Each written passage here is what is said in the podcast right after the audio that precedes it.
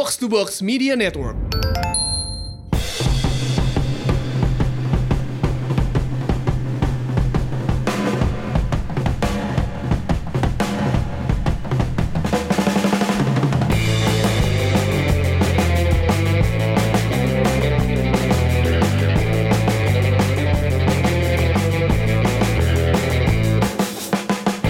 Welcome back di podcast Umpan Tarik episode 162. Uh, kali ini cuma berdua, gue dan juga Labib Sadat. Waktunya semakin dekat dengan Piala AFF, tapi uh, kita gak akan bahas itu dulu. Apa kabar Labib Sadat? Alhamdulillah, aku sehat selalu. Pokoknya kita harus sehat selalu pokoknya untuk memberikan informasi-informasi teraktual baik di podcast maupun sebagai komentator. Yoi, ini uh, benar kata kata Labib karena harus sehat. Karena gue dan Labib ini jadwalnya semakin padat karena menjelang Piala AFF itu kan pasti di semua dipadetin tuh kan ya. Liga 1, Betul, gue di Liga betul. 1, Labib di Liga 2 tuh jadwal makin padat dan juga gue Labib dan juga tentunya uh, Bung Adi harus menjaga kesehatan karena jadwal makin gila-gilaan. Betul. Karena belum ada kejelasan nggak sih, Bib? Maksudnya kan sempat ada isu eh, tetap jalan liga selama Betul. Piala AFF, tapi Ah. kemudian ada ada ber- berkembang isu yang lain, ya bakal libur juga gitu. Ini kalau yang lu Ya, dapat info-infonya biasanya yang biasanya A1 ini gimana nih soal bakal li- li- li- liga bakal libur atau enggak? Kebetulan eh, PT LIB sebagai operator utama kompetisi Liga Indonesia, Liga 1, Liga 2, ini lagi RUPS dulu, lagi rapat umum pemegang saham. Jadi eh, belum ada info resmi. Mungkin satu dua hari ke depan bagaimana info terakhir. Jadi kita libur pas banget pekan 17 ya, Aun. Yoi, berarti pas banget pekan 17 kalau misalnya jadi libur ya, maksudnya kalau ternyata kompetisi Betul. di hold dan jadi libur, kita mungkin berarti liburnya di pekan 17 pas ya putaran satu beres gitu. Putaran satu beres. Dan uh, kemungkinan di series ketiga ini hanya sampai ya enam pertandingan ya ber- berarti ya. Karena menuju pekan 17 itu kan uh, ada enam pertandingan ya di series 3 dan menurut gue itu hal yang sangat ideal mengingat ada beberapa klub yang kemungkinan uh, pemainnya dipanggil lebih dari dua orang. Uh, info info yang kita dapat mungkin yang gua atau dapat mungkin antara Persebaya atau Persib Bandung itu pemainnya lebih dari dua orang tapi belum tahu juga. Karena seharusnya tanggal 24 November kemarin Indonesia sudah merilis secara resmi para pemainnya. Karena beberapa negara sudah merilis ya Un. Eh, pemain-pemain yang berangkat betul pemain-pemain yang berangkat ke eh, AFF nanti. Kayak bahkan Thailand sebelum 24 November kalau nggak salah tanggal 22 udah merilis pemainnya. Yang tanggal 24 kemarin tuh Singapura dengan Filipina dan harusnya eh, eh bahkan Malaysia juga udah rilis di tanggal 23 kalau tidak salah Eh, harusnya Indonesia juga kemarin rilis sebenarnya udah di store pemainnya tapi belum dirilis aja Oh, tuh. Berarti guys sebenarnya udah di store tapi belum dirilis. Tapi karena ini kenapa jadwal liga jadi penting? Menurut gua karena kalau misalnya ternyata libur nih, diliburin lah, anggaplah kompetisi libur sampai Januari 2022 gitu ya. Ya menurut gua Betul, nggak- tanggal nggak- 7 ya sekitar tanggal 7 gitu karena Piala AFF menurut gua mestinya nggak usah nahan diri. Kan sempat ada wacana eh, satu klub dua pemain doang gitu. Nah, kalau misalnya emang diliburin ya udah am- ambil se semau Sinteyong aja maksudnya nggak usah nggak usah waktu waktu waktu itu kan waktu zamannya Alfred Riedel AFF 2016 tuh kenapa dua pemain karena ISC masih jalan kan. Nah, sekarang kalau misalnya Betul, ternyata kalau ternyata emang li- diliburkan gitu ya kompetisi karena Piala AFF menurut gue sih ya jalan jalan aja. Toh jadinya bisa ngambil pemain lebih dari dua gitu. Bisa misalnya dari Persija berapa dari Persib berapa dari Persebaya berapa dari Arema berapa gitu. Gak mesti gak, gak mesti harus kepatok dua dua satu klub dua pemain gitu. Menurut gue sih jadinya lebih bebas harusnya sih. Kalau diliburin Seharusnya ya. memang kalaupun sih eh, PSSI dan LIB harusnya saling koordinasi ya. Bener, gue sepakat ke tahun eh, harusnya dari awal udah dibilang bahwa eh, ketika AFF berlangsung eh, kompetisi di Liga Indonesia baik satu dan Liga 2 yang di bawah naungan LIB itu harusnya diliburin dan pelatih idealnya diberikan kebebasan, diberikan kebebasan untuk memilih siapa saja pemain. Gue sepakat tuh, jadi nggak perlu dua pemain atau maksimal dua pemain. Sintayong mau manggil semua misalkan pemain Persib, Persebaya, Persija yang dominan gitu atau Persiraja sekalipun nggak masalah. Asal itu memang sesuai dengan kebutuhan dari coach Sintayong. Yoi, nah ini ngomongin pelatih nih. Nih sebelum kita bahas, sebenarnya bahasan episode kali ini yang utamanya adalah Piala AFF sebenarnya. Tapi ada fenomena yang menarik menurut gua yaitu eh, pelatih-pelatih level Liga 1 eh, tiba-tiba istilahnya turun turun level ke Liga 2. Kasusnya gini, Bim. Kalau eh, Pak Kasar tadi itu kan dia sempat sempat ngelatih ke Kalteng Putra dulu juga terus sempat off juga lumayan lama baru ngelatih Dewa United gitu. Jadi ketika dia sekarang di Liga 2 tuh menurut gua ya biasa aja gitu. Tapi ini kan uh, emang sih kasusnya RD dan juga Coach Jackson kan di, di dilepas klubnya masing-masing lah diberhentikan. Tapi dadakan lah ya. Iya dadakan dan tapi menurut gua dua-duanya juga bisa aja stay di Liga 1. Toh uh, di saat yang bersamaan kan klub-klub Liga 1 juga uh, ini ya apa? Berhenti, pelatihnya ada yang dipecat juga gitu. Gua rasa dua-duanya stay ke Liga 1. Nah, menurut lo kenapa yang kemudian Rahmat Darmawan akhirnya menerima Rans dan juga Jackson menerima persis gitu. Maksud gue gini, kalau misalnya ngomongin financial thing ya udah pasti karena dua-duanya klub kaya kan, baik Rans maupun persis. Tapi rasanya kan secara stature, secara banyak aspek gitu ya, banyak checklist lah. Ya dengan level mereka masa turun banyak ke variabel lah. Iya, banyak variabel kenapa level mereka masa turun ke Liga 2. Kalau menurut lo gimana situasi ini?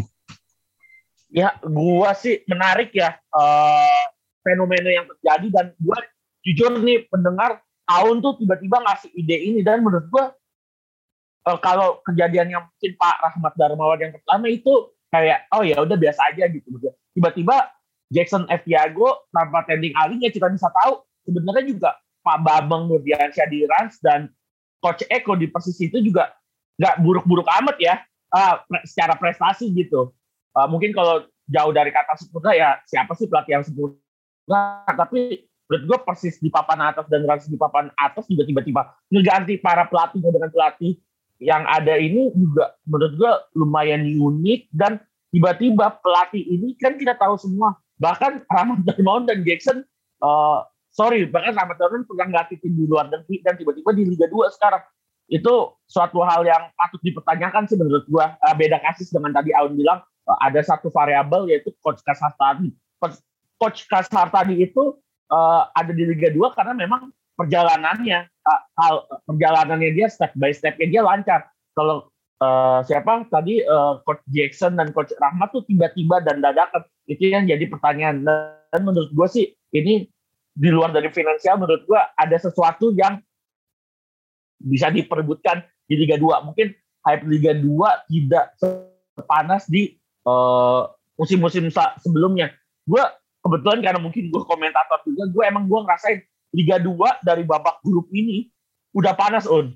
Hmm, okay, uh, okay, okay. Nggak seperti uh, kalau misal kalau musim-musim selanjutnya kan, eh musim-musim sebelumnya kan Liga 2 tuh panas ketika babak delapan besar ya, uh, ketika udah mau menjelang uh, finish line gitu istilahnya. Tapi kalau sekarang tuh dari babak grup yang uh, tersedia sekitar 24 uh, klub itu mungkin coach Jackson dan coach uh, Rahmat itu melihat ada sesuatu sebagai challenge bagi dirinya atau tantangan bagi dirinya untuk membawa dua tim ini uh, Ras Cilegon, coach Rahmat dan uh, coach Jackson di Persis Solo untuk bisa lolos ke Liga 1. Mungkin menurut gua tantangan yang mereka dapatkan mungkin mereka mencoba ingin meraih tantangan itu sih kalau dari gua di luar finansial ya. Ya karena mungkin juga tantangan besar mah udah pasti sih. Cuman yang yang gue concern adalah ya ini kan mereka turun level gitu. Maksudnya eh, walaupun kita juga harus bisa bilang ya Coach Rahmat sama Jackson kan pelatih senior juga gitu udah emang udah lama juga. Jadi ketika kemudian dia turun ke bawah pun mungkin nggak terlalu problem ya karena mereka juga tidak harus membuktikan diri ke siapa pun gitu ya. karena mereka ya pelatih juara justru akan jadi tantangan besar juga buat mereka. Cuman memang yang gua gua alami gua pekan kemarin kan jadi pembicara juga tuh di UGM sama Pak Hasani Abdul Ghani kan. Dia juga bilang salah satu faktor yang pengen dia kejar dengan keberadaan tim-tim dalam tanda kutip kaya di Liga 2 tuh ya gapnya itu menghilangkan gap. Tapi gue tanyain lagi, Pak, kalau misalnya nih Pak, gini justru apa? Kalau misalnya gini, Rans uh, Persis sama anggaplah Dewa United naik ke Liga 1, terus sisanya di Liga 2 bakal balik kayak dulu dong. Oh enggak, kita juga uh, apa dia bilang kita juga uh, mengencourage, kita juga ngejar investor-investor uh, lain biar mau invest di klub-klub lain gitu. Jadi ya tujuannya emang mungkin juga bener-bener tadi kata Labib juga, Liga 2 tuh kerasanya beda banget sekarang sih. Beda-beda beda banget rasanya. Keba Bayang Irfan Bahdim Beda. aja mainnya di Liga 2 coba. Irfan Bahdim loh. Betul, Irfan Bahdim ya mungkin secara usia dia udah emang uzur ya 33 menjelang 34 tahun. Tapi seorang Irfan Bahdim yang pernah bermain untuk Utrecht ya atau Ayak di masa mudanya tiba-tiba sekarang terdampar di Liga 2 harusnya sih kalau menurut gue dia masih layak ya bermain di Liga 1 walaupun bukan tim papan atas. Iya iya ya, sepakat sepakat. Kalau misalnya dia di level-level bawah tengah tuh pas lah. Di mana waktu di PSS tuh gue ngerasa pas ya. Maksudnya ya ya uh, pas banget gitu dengan targetnya dengan ininya dan itunya gitu. Gue ngerasa Irfan, Irfan main di sana tuh pas gitu. Tekanannya mungkin tidak terlalu besar gitu ya. Tekanan maksudnya tekanan untuk punya punya prestasi di di klasemen gitu. Makanya gue rasa ketika kemudian turun ke Persis wah agak-agak ya fenomena mungkin fenomena baru di bola kita juga. Karena tapi juga gue merasa ini positif. Ini kan langkahnya Persis Rans dan juga Dewa United AH, AHPS Pati. Ini kan mirip langkahnya Muangtong kan. Muangtong tuh gak tiba-tiba ada di di di liguannya ya Liga 1 eh liguannya Thailand gitu. Mereka kan ngerakak dari bawah kan. RB Leipzig juga gitu. Dan ini menurut gue akan jadi akan jadi presiden bagus, maksudnya akan akan jadi contoh bagus. Jadinya nggak tiba-tiba beli tim terus main di Liga 1 gitu. Ini buat gue contoh bagus sih. Jadinya emang setidak walaupun nggak nggak nggak apa ya istilahnya nggak ngerangkak banget dari jauh bawah banget dari Liga 3, dari Liga 2 juga kan udah lumayan ya ngerangkak ya. Capek juga gitu maksudnya. Ya Labib juga ngerasain lagi mana ketatnya Liga 2 juga sebagai komentator kan. Ya gue rasa dengan ngerangkak dari Liga 2 juga buat gue deserve lah mereka. Kalaupun misalnya nanti lolos ke Liga 1 dan stay lama, ya ya mereka ada perjuangannya juga gitu karena lolos Liga 1 kan. Betul, gue semangat. Gue gue sepakat sama Aun ada mereka tuh deserve ya karena mereka udah struggling dari divisi uh, di bawah Liga 1 ya Un ya. Entah itu divisi 2 apa divisi 3 atau Liga 2 atau Liga 3 maksud gue tapi gue yang gue apresiasi adalah struggling mereka mereka misalkan nanti ada di divisi teratas atau di kasta tertinggi itu mereka uh, layak memang dan fondasi mereka juga kuat. Itu ya paling penting. Nggak tiba-tiba ada. Ya kita contoh nih, gua ambil satu klub Badak Lampung, tiba-tiba ada di Liga 1 2019. Musim depan dia bakal main di Liga 3 karena dipasti, sudah dipastikan degradasi dari Liga 2 karena mereka nggak punya fondasi yang kuat menurut gua. Hmm, hmm. Itu Kayak sih sepakat, yang ya. menurut gua, uh, gua, gua, gua juga sepakat sama pendapat lu yang tadi lu bilang. Ya ketika mereka di divisi 2 itu mereka sebenarnya kayak adaptasi. Oh ternyata sepak bola Indonesia seketat itu. Dan mereka mungkin satu dua musim atau syukur-syukur bisa langsung promosi ya. Kalau misalnya enggak juga nggak masalah. Bisa jadi pengalaman. Dan ketika mereka ada di kasih tertinggi, mereka udah siap dengan segala hmm. konsekuensi dan uh, pertandingan-pertandingan yang cukup keras di Liga 1 yang kita tahu sampai sejauh ini. Hmm, oke oke oke oke oke. Oke, okay, ini kita sebenarnya ini adalah segmen pertama kita bahas pelatih-pelatih yang turun ke Liga 1 karena memang ini menarik banget satu juga akan bikin Liga 2 jadi lebih ramai ya karena gue sepakat juga karena gue juga mengutarakan ke Pak ke Pak Hasani waktu itu tuh jadi waktu aja pembicara tuh ya Liga 2 sekarang tuh lebih ramai karena biasanya kita dapat siaran Liga 2 tuh pas udah babak delapan besar gitu. Kalau misalnya di fase grup atau di fase awal tuh biasanya jarang kecuali timnya yang ketemu tim besar gitu. Mantap atau enggak tim-tim yang dulunya uh, besar gitu atau nggak tim-tim yang dulunya ada di Liga 1 ya kayak misalnya yang tanding Sriwijaya lawan Semen Padang itu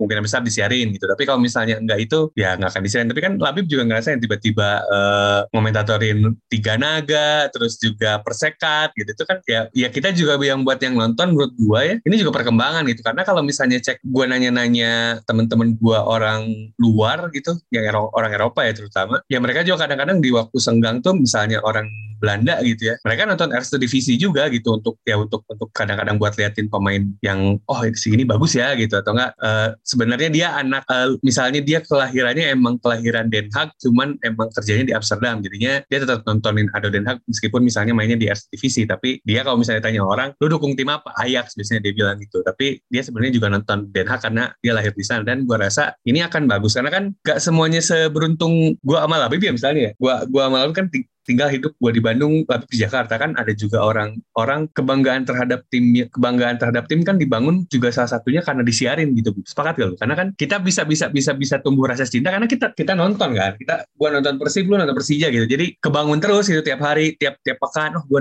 tungguin. Nah ini kan ini kan juga harus dibangun ekosistemnya juga di kota-kota lain di Indonesia gitu ya mau di mau di tole-tole kah mau di Tegal juga sekalipun di mana pun tuh ya harus harus dibangun. Karena cara terbaik biar uh, roda, roda kompetisi dan roda industri bola Indonesia naik tuh ya semua klub tuh di istilahnya di levelnya yang sama gitu. Maksudnya jadinya kita bisa jadi dengan dengan exposure besar dari Liga 2 ini ke depannya kita gak ngalamin lagi lah pemain gak digaji berbulan-bulan klub susah ada sponsor gitu. Gua rasa harusnya hal-hal gini tuh udah udah udah nggak udah bisa ter uh, apa ya hal-hal kayak gini tuh udah bisa ter terminimalisir lah. Gue sih kalau gue nanggepin sih kayak lo gitu, lo bilang tadi ada syarat, apalagi melihat Liga 2 yang sekarang kita lihat kita harus apresiasi walaupun uh, kualitas broadcast kita sedang berkembang, tapi kita harus apresiasi keinginan dari broadcast untuk menyiarkan klub-klub yang sebenarnya kayak lu tadi bilang, tiba-tiba gue nyarin KS Liga Naga, Perseka Tegal, coba lu berpikir deh, gak usah jauh-jauh, tiga empat tahun yang lalu klub-klub ini uh, ketika ada disiarin nggak? Nggak bakal ada di grup, paling baru ada di delapan besar, di empat besar. Jadi bagaimana orang-orang tahu bisa, oh klub gua nih ya nggak usah bicara klub Liga 1 ya, Liga 1 hampir pasti disiarin. Klub Liga 2 bakal disiarin nggak? Ternyata sekarang hampir semua ya kan disiarin. Gue sih cuma pengen nambahin itu. Jadi ya sebenarnya rasa kita uh, nonton bola nih di mungkin ke depannya juga mungkin akan lebih banyak uh, berkembang dan banyak apa ya banyak tontonan yang menarik tidak hanya di Liga 3 eh Liga tidak hanya di Liga 1 atau Liga 2 bahkan sekarang di Liga 3 ada uh, aplikasi untuk streaming pertandingan-pertandingan yang ada di divisi terbawah di Liga Indonesia. Jadi ya harus kita apresiasi dan semoga uh, supporter jadi mungkin dia mungkin di daerah ya kita nggak usah bicara kota-kota besar di daerah bisa mendukung klub kebanggaannya tersebut. Oh, sepakat, sepakat, sepakat. Karena juga kalau misalnya lu ketemu bule-bule aneh kan kadang-kadang misal dia dari dari mana ya? Dari Salernitana misalnya. Dia orang Italia dari Salernitana dia dukung Salernitana beneran gitu. Bukan tiba-tiba dia bilang, gue pendukung Juventus enggak kan. Dia bilang, gue pendukung Salernitana gitu. Karena gue juga teman-teman gue yang di Belanda pun bilangnya gitu, gue dukung uh, Almer City. Gue pikir bercanda ya, tapi beneran ternyata dia pendukungnya Almer City. Terus dia, dia, dia bilang, ya dia bilang dia bilang uh, orang Deventer, dia bilang beneran dia beneran pendukung uh, Go Ahead Eagles itu. Ini yang gue rasa culture ini juga harus dibangun juga kalau misalnya pengen kita ekosistem sepak bolanya jauh lebih baik gitu. Jadi nggak cuma dari level uh, tim doang gitu, level klub, tapi juga level fans juga gitu. Jadi nantinya tuh stadion tuh ya ya juga bisa merata lah si kapasitasnya terus juga yang streaming juga jadinya nggak tim itu itu melulu gitu ya. Bener nggak? Betul betul betul. Gue ngeliat streaming sekarang udah banyak variasi pertandingan ya. Maksudnya beberapa klub yang mungkin jarang disiarin tiba-tiba sekarang udah disiarin ya. Iya betul sekali. Oke, tadi gue lama-lama udah bahas soal fenomena di Liga 1 dan juga bagaimana di, di, di lebih tepatnya di kompetisi Liga di kompetisi sepak bola Indonesia uh, bagaimana ada banyak sekali pelatih dari Liga 1 terjun ke Liga 2. Nah ini selanjutnya adalah sesuatu yang kita mungkin sudah menantikan dan gue akan bercerita sedikit sebenarnya. Ini view gue ya yang membuat kenapa Piala AFF itu jadi jadi seru banget. Jadi um, menurut sebenarnya bukan temuan, kalian teman-teman pendengar juga bisa ngeceknya di website AFF. Dan ini yang buat gue merasa kenapa Indonesia itu jadi penting untuk juara Piala AFF karena di episode berapa gue juga membahas ini sama Bung Adi. Gue merasa Indonesia itu harus juara karena Indonesia adalah salah satu founding father-nya AFF. Uh, founding father lain yaitu Malaysia, Thailand, Singapura udah pernah juara. Jadi gue rasa Indonesia harus juara lah ya masa enggak gitu loh. karena kan gini, gue tuh sering-sering menemukan orang bilang uh, orang tuh bikin statement gini. Uh, Coba lihat tuh Thailand, Vietnam uh, udah gak ngelihat Piala AFF lagi, mereka udah ngejar ke Piala Asia. Ya mereka udah pernah juara, bro. ya mereka udah gak ngelihat lagi, ya wajar gitu. Kalau misalnya kayak iya, Malaysia ya, gitu, baru sekali atau enggak Singapura bolanya lagi nggak bagus sekarang, ya mereka ngejar Piala AFF lagi dong. Ini makanya kayak gue ketika mendengar komentar-komentar kayak gitu kayak, lah, ya mereka udah punya, ya. udah udah punya ya wajar, gak, gak mikirin lagi. Gue merasa Indonesia tuh masih harus men mencoba untuk punya Piala AFF minimal satu emas satu lah gitu. Minimal banget ya memang satu itu kayak kan kita kan nggak pernah di orang mungkin um, uh, selain Indonesia ya mungkin hmm. orang Indonesia pun juga sama nggak bakal enggak kalau Indonesia mungkin tinggal lima gelar runner up AFF yang selalu diingat adalah siapa yang menjadi juara betul nggak?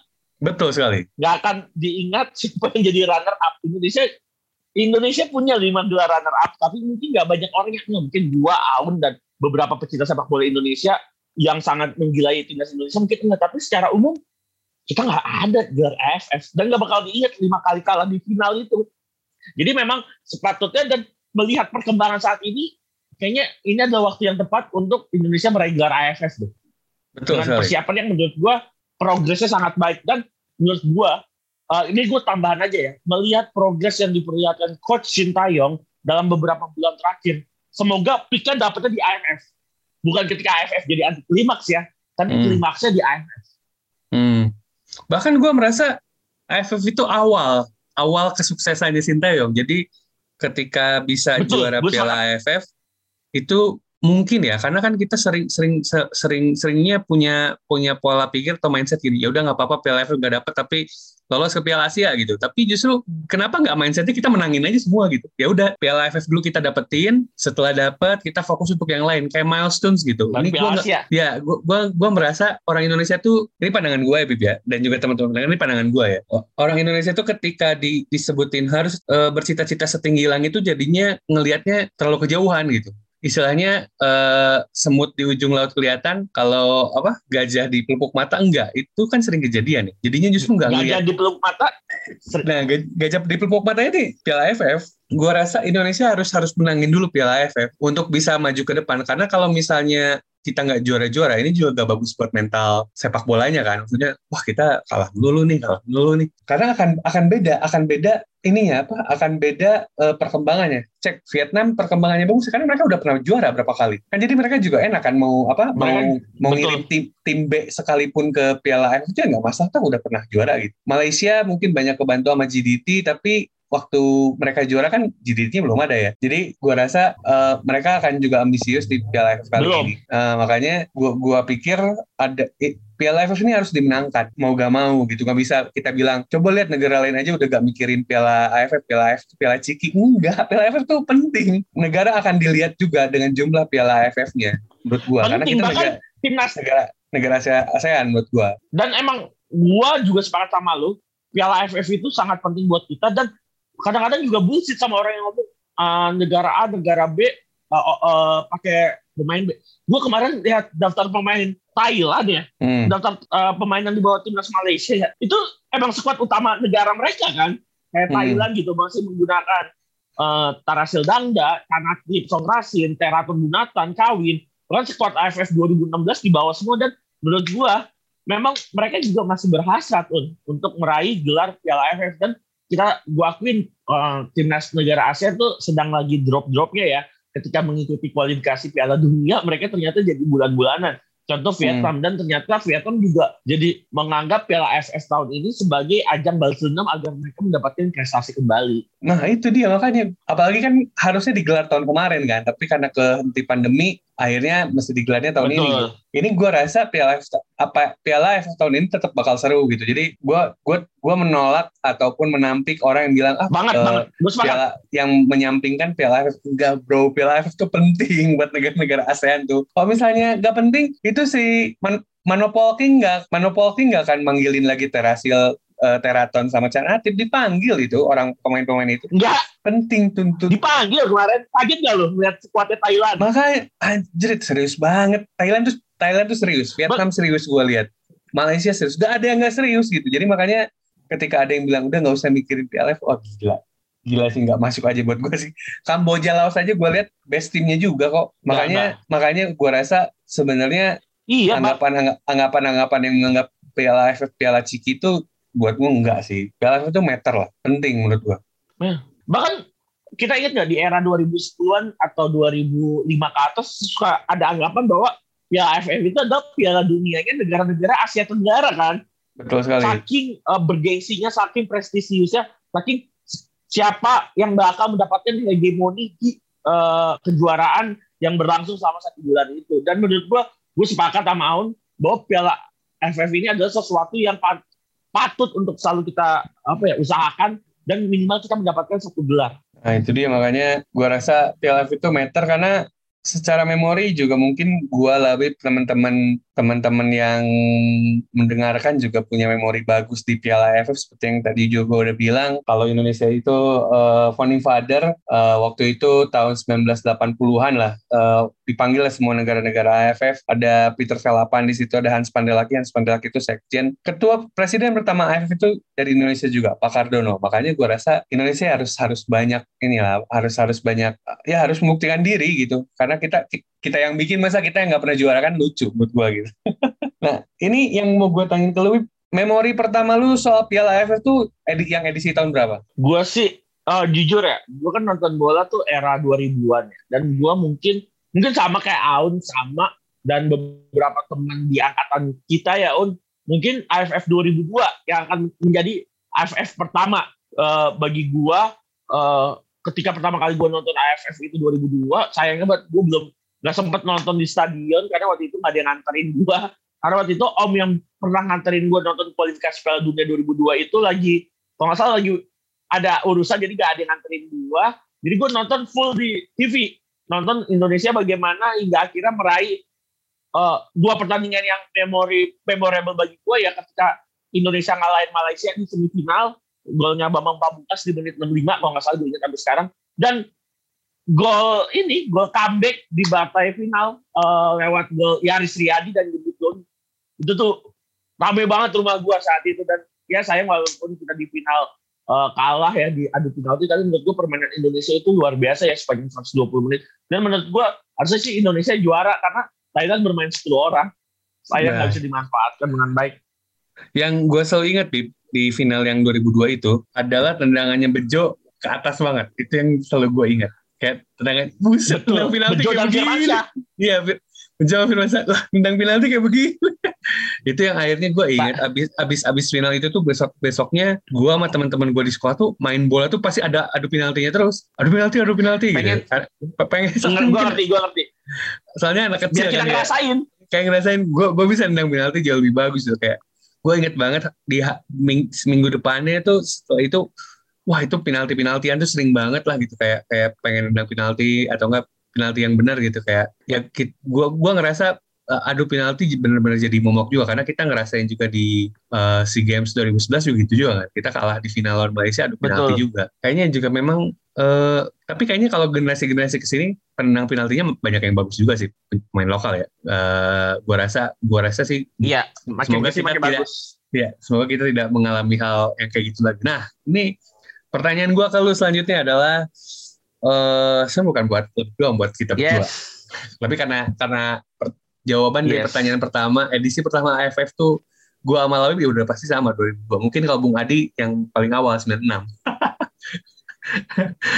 kalau dia mungkin paling mungkin, yang paling mungkin. Eh, kalau dia mungkin yang paling awal 96 kalau gua sama Lawi udah pasti 2002 Piala AFF yang buat lu paling berkesan paling berkesan sih bagi gue Piala AFF. Ya mungkin gue sama juga sama antara 2004 sama 2010, tapi sih gue paling berkesan ya 2004 sih. Hmm, oke okay, oke. Okay. Oh. Mungkin ya kita tahu semua bagaimana perjalanan Indonesia di tahun 2004 harus bermain di dinginnya uh, kota uh, Hanoi ya. Kita tahu setiap bulan Desember di Hanoi suhu suhu di kota tersebut uh, kurang dari 20 derajat ya dan hmm. sangat dingin. Dan makanya sebenarnya Indonesia itu sebenarnya uh, paling males kalau main di Hanoi di bulan Desember karena anginnya itu ke arah selatan. Jadi dia semi-semi kayak Cina deh udaranya dinginnya. Bahkan kalau nggak salah di Piala AFF 2016 itu suhu di Hanoi itu 12 derajat dan Indonesia kan juga terbiasa ya main dingin. Yeah. Untung mungkin uh, mindsetnya ah lawan tim AC sama-sama tim ASEAN masa kalahnya cuma sama dingin doang orang pasti sama-sama ASEAN lah uh, mungkin uh, mindsetnya di situ ya. Tapi di 2004 kita juga tahu bagaimana akhirnya Indonesia bisa lolos dari rekaman Vietnam di babak grup dan di semifinal bisa menang dramatis lawan hmm. Malaysia hmm. dan ya lagi-lagi di partai final kita tahu semua hasilnya bagaimana. Nah ya di Panggabean dan kawan-kawan gagal memaksimalkan dua laga melawan Singapura. Tapi ya itulah sebenarnya menurut gue 2004 itu cukup berkesan sih. Kita bahas pelan-pelan aja ya 2004 2004 dulu 2010 2010. Kalau 2004 kalau gue ya itu mulai karena mulai kecintaan gue sama sepak bola ya di di di empat tahun awal itu lah di masa-masa itu yang gue lihat uh, gue gue terkagum-kagum dengan Boas lah udah pasti. Karena gue merasa udah pasti. gue merasa Indonesia punya pemain kayak gini gitu. Kayak ini sih bagusnya main di Eropa gue ngerasanya gitu kan. Plus karena yes. gue suka banget pelajaran geografi Piala AFF ini sangat membantu gue untuk memahami negara-negara lain jadi memahami benderanya mereka, memahami ibu kotanya juga gitu ya. Itu juga yang sangat membantu buat yes. gua.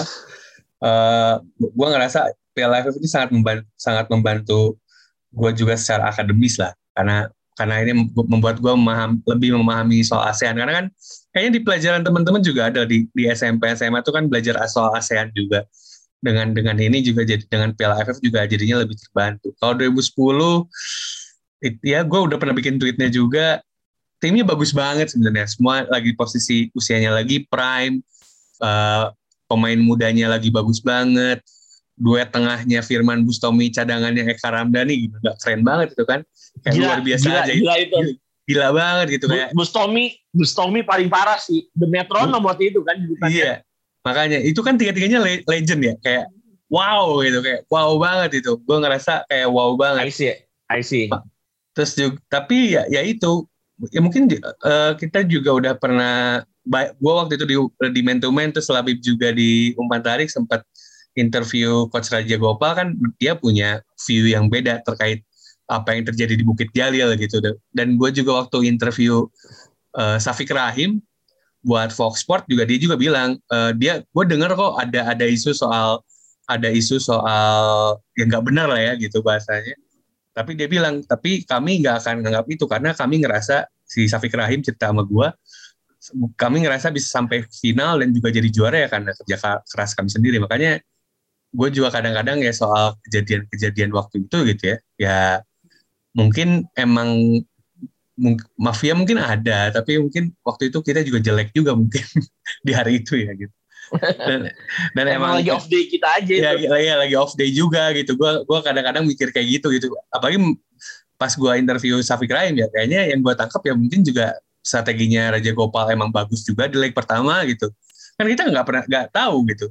Karena kan di kiper diganti waktu itu gue ingat terus juga center backnya tuh per apa sih pasangannya diganti juga waktu final tuh beda beda lah iya, mainnya betul. gitu terus Malaysia pasti gue ingat pas kita menang lima satu kita nggak hmm. bukan uh, kiper Malaysia bukan Khairul Fahmi waktu itu. Bukan. Khairul Fahmi dipasang karena karena Malaysia kalah 5-1 di pertandingan pertama.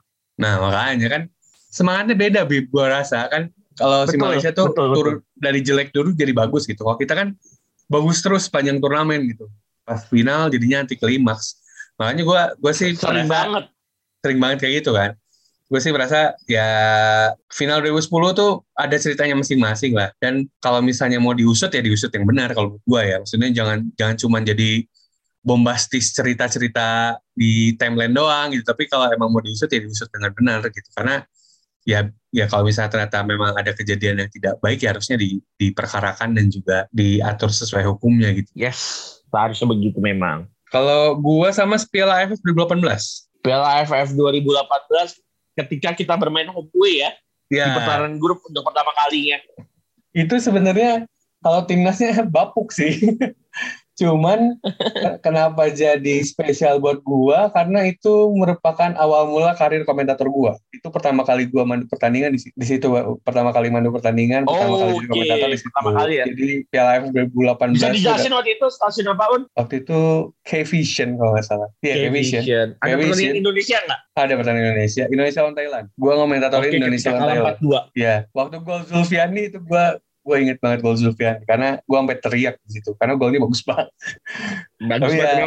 Kalau nggak salah itu menjadi goal of the week, eh goal of the tournament ya? Apa? Yeah. Salah satu yeah, nominasi salah goal of the tournament. Salah satu nominasinya dan makanya makanya gue rasa Piala Live itu selalu selalu memorable lah karena di situ dimulainya karir komentator dan juga pundit seorang Aun Rahman dari sana mulainya. Bagaimana berubah dari jurnalis ke komentator di situ. Oke. Okay. Pasti, pasti. Lo ada Waduh. pemain ada pemain yang lo paling inget gak dari Piala AFF? Uh, pemain Indonesia mungkin banyak yang inget ya. Kalau pemain luar gimana? Oh boleh. Kalau pemain luar lo siapa? Kalau pemain luar gue dua. Siapa tuh? Uh, Terdesak Caiman sama Indra Sah dan Daud gue. Eh mantap. mantap. Kalau Terdesak Caiman di final 2002 gue ngeliat gimana dia memberikan rasa nyaman di lini tengah Thailand ketika Thailand bermain 10 orang. Itu luar biasa menurut gua. Caiman luar biasa main ex pemain Ton Muri ini nunjukin uh, kualitasnya dia memang dia sebenarnya ada di level yang sangat tinggi ketika pertandingan di final itu. Dan kedua, kenapa Indra Sadan Daud? Gue ingat ketika dia bermain sangat luar biasa sepanjang FF atau waktu itu Piala Tiger 2004 ya namanya ya. Piala Tiger 2004 dia main, terus di leg kedua dia gol ke Indonesia, terus dia selebrasi kayak ngegonggong anjing dan itu gue inget sampai sekarang mungkin mungkin sampai nanti gue tua gue bakal inget selebrasinya Indra Sadan Daud ketika, ketika golin ke Dom Hendro Kartiko di uh, National Stadium 2004. Dua pemain itu sih. Kalau Indonesia kayaknya mungkin uh, ya uh, kita sebagai orang Indonesia pasti banyak pemain tapi mungkin kalau dari luar gue dua pemain itu sih. Ah oke. Okay. Kalau gue pertama, kalau gue udah pasti pertama Muhammad Safiq Rahim udah pasti. Waduh, gila. Itu, Ini, it, itu idola gue banget. Safiq Rahim. Kalau Aun punya anak namanya pasti ada Safiq atau Rahimnya katanya. Dua-duanya pasti. Kalau anak cowok gue udah pasti Safiq Rahim namanya. Wah, gila, gila, gila. Dan lu udah ngomong gak sama Safiq Rahim ya? Udah ngomong gue. Gue udah ngomong sama Safiq Rahim, udah minta izin, dia malah ketawa kan. Dia dia kaget ada orang Indonesia ngefans sama dia. Gue bilang, lu buat gue ya ini, dan kalau misalnya ada yang membantah silahkan sih. Tapi buat gue, uh, goatnya atau greatest of all times-nya di posisi gelandang di ASEAN, buat gue Safiq Rahim. Karena lengkap, uh, visi bermainnya luar biasa, uh, punya punya ketenangan dan juga visi visi mainnya sih yang buat gue amazing ya. Safik Rahim dan juga leadership mentalitinya juga bagus makanya gue sangat amazed. Tapi justru yang bikin gue amazed tuh justru bukan pas waktu kita kalah sama mereka di 2010 yang gue lihat dia main bagus banget itu di 2014 waktu kalah lawan Thailand. Wah gila itu. Itu itu bagus Dengan banget ya. dia ya di itu sepanjang nah iya makanya sepanjang turnamen dia mainnya bagus banget. Panjang turnamen bagus dari pertandingan pertama pertandingan pertama sama pertandingan terakhir tuh main mainnya bagus banget. Waktu di 2010 tuh dia ketutup sama Nur Syahrul sama Safi. Makanya Safi, dia, betul. Ya, makanya nggak terlalu gimana walaupun dia kapten tim kan. Tapi biasa aja gitu gak gak gak, gak sampai jadi wah wah banget gitu. tapi waktu yang di 2014 tuh gue nonton wah itu luar biasa banget lah. The best banget. Apalagi waktu itu kan karena Indonesia gak main gak jadi gue cari tontonan lain dan gue merasa Malaysia yang paling paling enak buat ditonton. Gue gue merasa paling gue merasa paling enak. Satu lagi Lionel Lewis karena uh, akhirnya gue bisa interview dia dan juga ternyata orangnya lucu banget. Itu, itu orangnya lucu banget ternyata. Kalian harus tahu orangnya lucu parah. Kalau misalnya mau ngecek ada di podcast gue yang satu lagi itu orangnya lucu lucu banget. Ngaco orangnya. Dan ternyata emang uh, dia adalah salah satu kasus langka kan. Kasus langka di sepak bola uh, Singapura. Karena kan kebanyakan pemain Singapura tuh etnisnya Melayu. Kalau etnisnya Chinese itu jarang lah gitu kan. Kehitung lah ada si Jiai ada si uh, di ada si Lionel Lewis, ada di tim yang sekarang ada masih ada Gabriel Kwak juga. Uh, ini fenomena banget lah dan gua rasa waktu kita waktu kita nonton di Piala AFF 2004, Piala AFF 2007, 2008 itu dia sensasional banget lah. Kita kan nggak jarang banget lihat kiper sejago itu gitu. Udah udah mah tinggi, besar, jago gitu. Itu kan wah, wah banget. Misalkan plus tinggi besarnya si Lionel Lewis ini beda dengan Marcus. Kalau Marcus kan tinggi menjulang. Uh, Ega Kurnia Mega juga sama kan? Tinggi tinggi aja gitu tapi kurus gitu. Ini kan udah tinggi gede yeah. susah di susah dibobol. Kesel kesel banget kan jadi. Badannya jadi. Ya, makanya susah banget dibobol makanya. Dan ya, kalau kita lihat dari TV Lionel kalau kita lihat dari TV Lionel Lewis tuh uh, badannya tuh sterk banget ya. Kayak ya, makanya uh, itu dia. ya, uh, ideal lah kayak Gianluigi Buffon gue ngeliatnya. Iya. kayak kan jadi jadi sebel ya kayak kiper bagus badannya bagus jago lagi kan kesel Dan Aun tahu uh, sekarang Luis uh, kesibukannya apa Un? Dia jadi guru di universitas, di sekolah. Dia jadi guru sekolah. Kayak dosen gitu ya? Iya, mirip-mirip dosen, tapi dia ngajar ngajar olahraganya. Jadi ternyata soal dia jadi polisi itu lebih kayak wa wamilnya gitu loh. Dia milihnya jadi polisi tuh. Oke, ada wajib militer di iya, Singapura ya, ya beberapa tahun lalu ya. Iya, waktu tahu waktu tahun-tahun lalu dulu kan kita dengarnya uh, Lionel Lewis pensiun karena jadi polisi itu. Bukan jadi polisi itu bagian dari wajib militernya dia. Apalagi waktu itu posisinya iya, dia di kan Korea Selatan ya. Iya, iya. Bagi posisinya waktu itu kan dia main di Home United kan. Home United itu timnya polisi kan. Nah, jadi uh, biar dia biar bahasa bahasanya mungkin biar enak aja kalau wajib militernya harus ke barak dan gitu gitu kan mungkin ribet kali ya ini kan kalau polisi mah yeah. ya iya. masuk masuk kantor gitu maksudnya masih di masih di kota kali ya yang yang buat dia cerita gitu dia jadi polisi itu bukan bukan bukan uh, apa bukan kerjaan setelah dia sepak bola itu bagian dari wangilnya dia gitu. Oke tuh Aun tuh yang langsung bikin uh, statement uh, bagaimana perjalanan karir Lionel Lewis karena Aun beruntung sekali berhasil mewawancarai Lionel Lewis beberapa waktu yang lalu ya. Yoi, ini kita juga gue sama Labib masih mencoba mengejar beberapa orang yang pengen kita undang ke umpan tarik. Labib juga betul, sama betul, sama betul. sama teman-teman umpan tarik juga sempat kemarin sama Ridwan sama uh, Coach Raja Gopal juga kita juga ini dikit-dikit bocoran kita lagi ngejar beberapa pemain yang uh, diisukan akan memperkuat timnas lagi dikejar. Betul.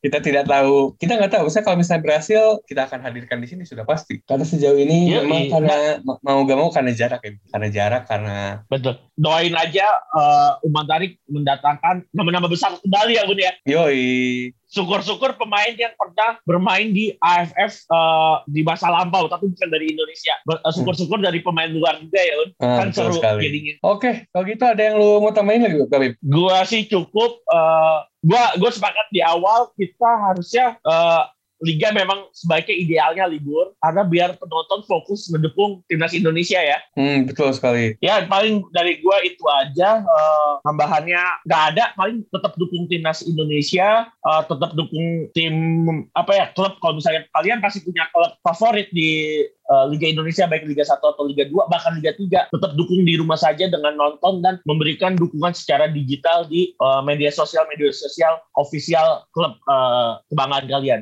kecuali uh, kita udah boleh nonton di stadion. Kita aja dari gua. Oh ya kalau misalnya ada yang nanya, Bang Labib, uh, Bang Aun kenapa belum bahas soal rival watch ataupun kekuat, peta kekuatan tim-tim lain buat Piala AFF? Santai. AFF-nya aja masih kita Piala AFF ini sebenarnya kick off-nya tanggal 5, tapi kita baru tanding tanggal 9. Jadi uh, santai aja gitu kita ininya ya. Kita tengah mulainya. Jadi mungkin di episode minggu depan kita akan baru bahas peta kekuatan tim-tim peserta Piala AFF 2020 yang digelar 2021. Oke, kalau gitu Aun Rahman pamit. Lalu sadar cabut. Assalamualaikum warahmatullahi wabarakatuh.